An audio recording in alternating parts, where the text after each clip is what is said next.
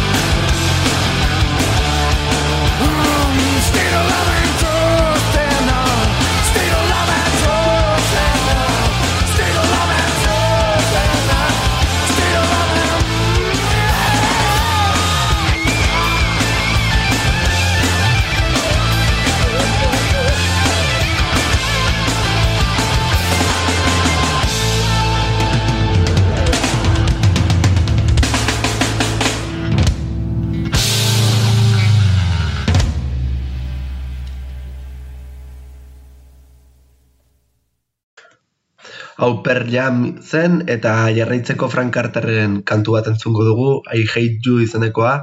Berexia da kantu hau niretzat e, asko maite duten lagun batek erakutsi ziten.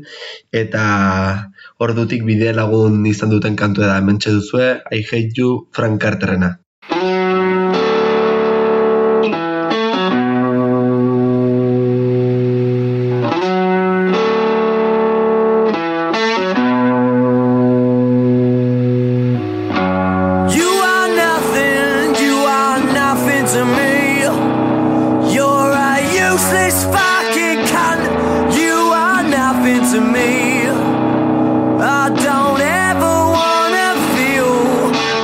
anything I do ever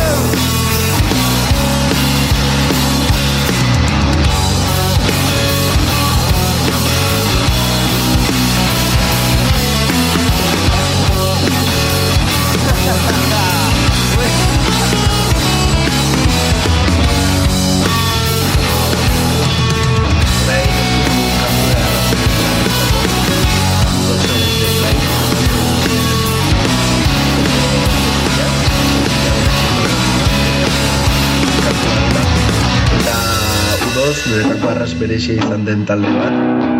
Uste dut sei zazpi urteetan erakusi udos eta beti badire talde batzuk ez bertzeak baino kulpa gehiago dutela e, musika munduan murgiltzeko edo musika maitatzeko ez. Eta udosek e, bat lagundu dat neri eta pa desberdinetan eta beti hoietako talde bat da, ez? E, musika egitera animatu nauten hoietako talde bat da. Kantu hau pile bat maite dut eta hementxe duzue. The Fly.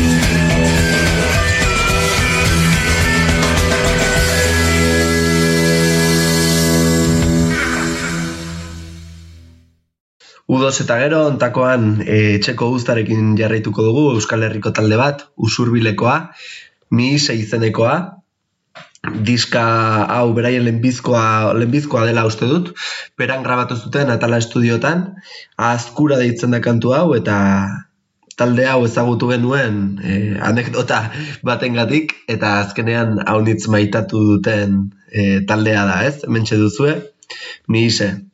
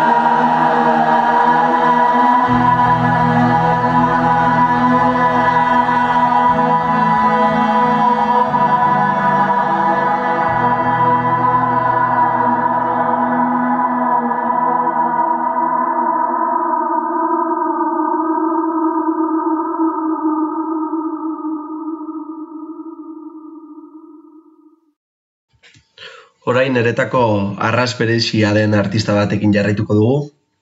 Sara Zozaiarekin, kasu honetan, Rorekin kolaborazioa egin zuen e, kantu bat da, e, Rosa izenekoa, eta ezin zen falta, pile bat maite dut bera hotza, eta e, uste dut gauza arras interesgarriak egiten dituela bere proiektu guztietan, eta hemen soko bat e, eduki behar duela. Hemen txeduzu esara zozaia, Rosa, Roren kolaborazioarekin.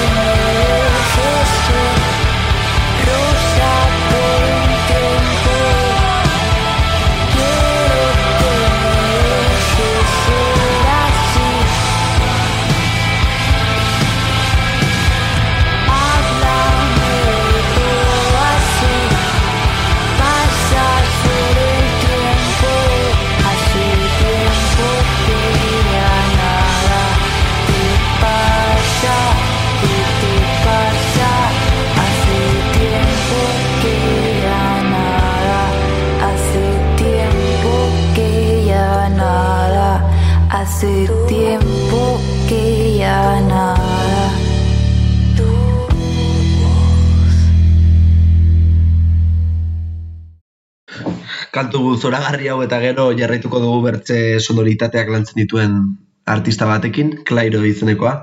Uste dut aurreko honekin zer ikusia daukala modu batera do bertzera, baina bueno, bertze mundu batzuetan ibiltzen da, ez? Eta kantu hau Bax izena du, pile bat maite dut, lagundu ziten e, bertze sonoritate batzuekin edo bertze mundu batzuetan murgiltzeko eta e, kantu honek e, bertze ikuspegi bat zabaldu ziten musikari bezala eta hortaz hemen egon behar du. Hemen duzue, Clairo Bax.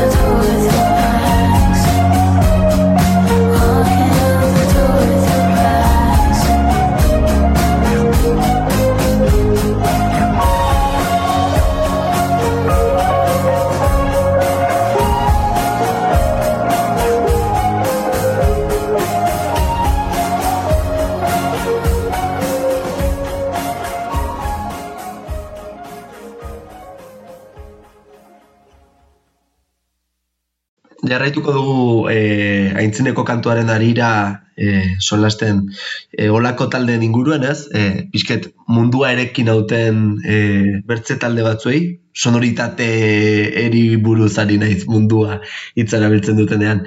Eta ontakoan Coldplayen Midnight kanta, e, diska hau 2000 malaukoa dela uste dut, pile bat maite dut, ez dakit izena zehazki, baino bi egal agertzen dira diskaren portadan, eta diska hau arras beresi izan da niretako, arras beresia jarritzen du izaten niretako, eta berriz ere, hementxe toki bat izan behar du bai bai.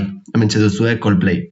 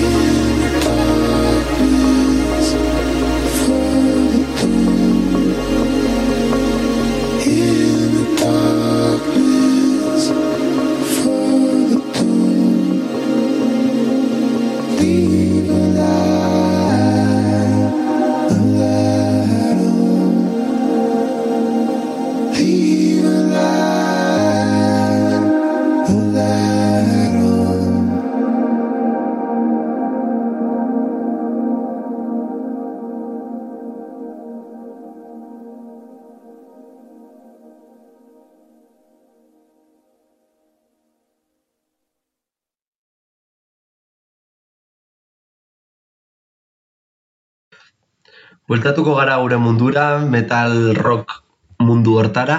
Kasu hontan egin jarraituko dugu, Be Yourself izeneko kantu batekin. E, kantu hau beraien bigarren diskoan dago. Eta arras beresia da, gruntxa e, barkatu nire inglesagatik berriz ere. Arras beresia izan da niretako eta pleuraren dako ere bai. Eta Chris Cornell e, dutik gabe e, horren erruduna da ez e, bai eta Sound Garden eta Audioslave egin ere bai. E, gehien bat okeratu dut Audioslave Race Against the Machine pilo bat maite dutelako eta modu bat delako bitaldeak e, batean jartzeko bezala ez. Eta hoxen, gozatu.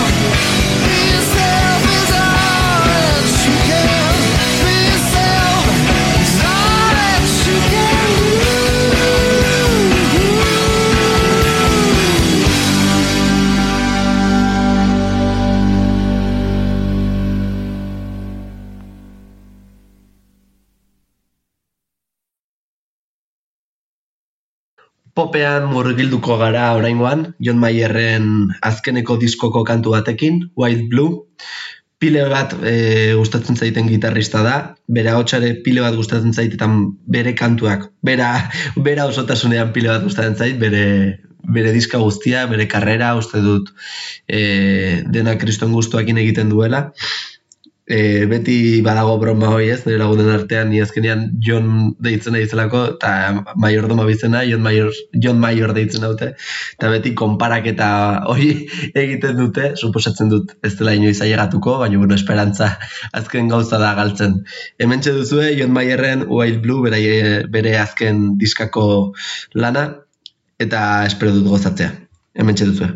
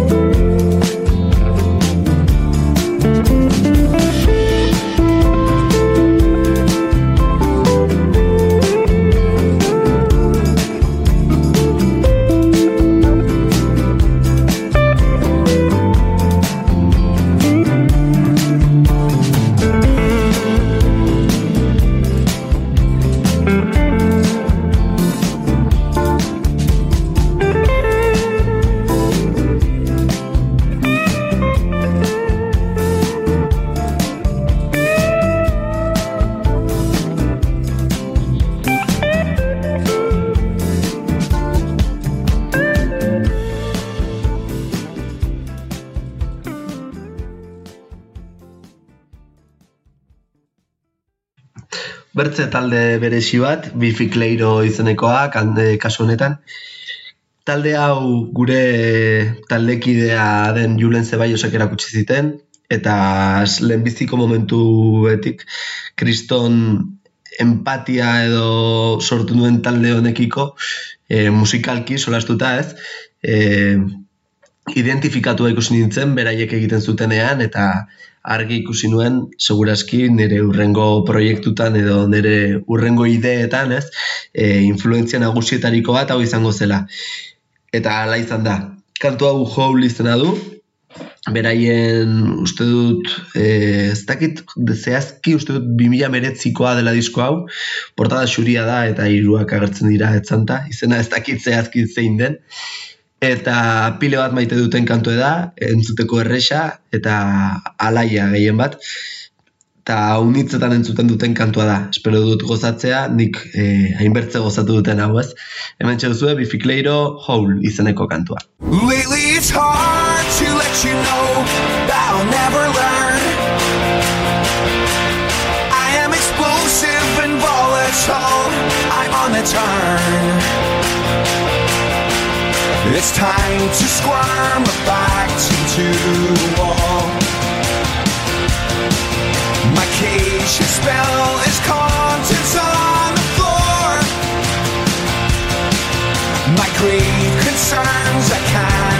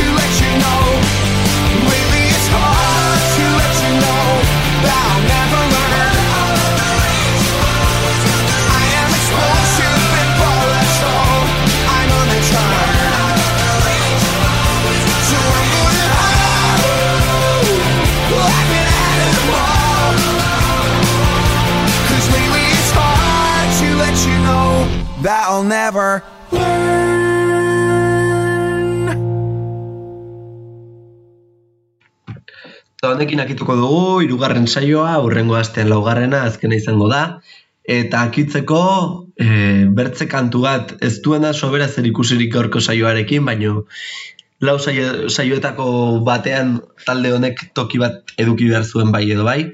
Bring Me The Horizonen Stranger, uste dut duela izena, bai, Stranger, kantua. Horai dela gutxi atra duen kantua da, intzineko urtekoa, urte amaierakoa, single moduan, suposatzen dut azkenean disko batean bukatuko duela kantu honek, gehien bat single desente atera dituztelako, eta normalean single guzioiekin disko batera ikitzen dutelako. Eta pile bat gustaren taldea uste dutelako beti badutela gaitasun hori beraiek egiten dutenari buelta bat emateko eta beti interesgarria bihurtzeko, ez?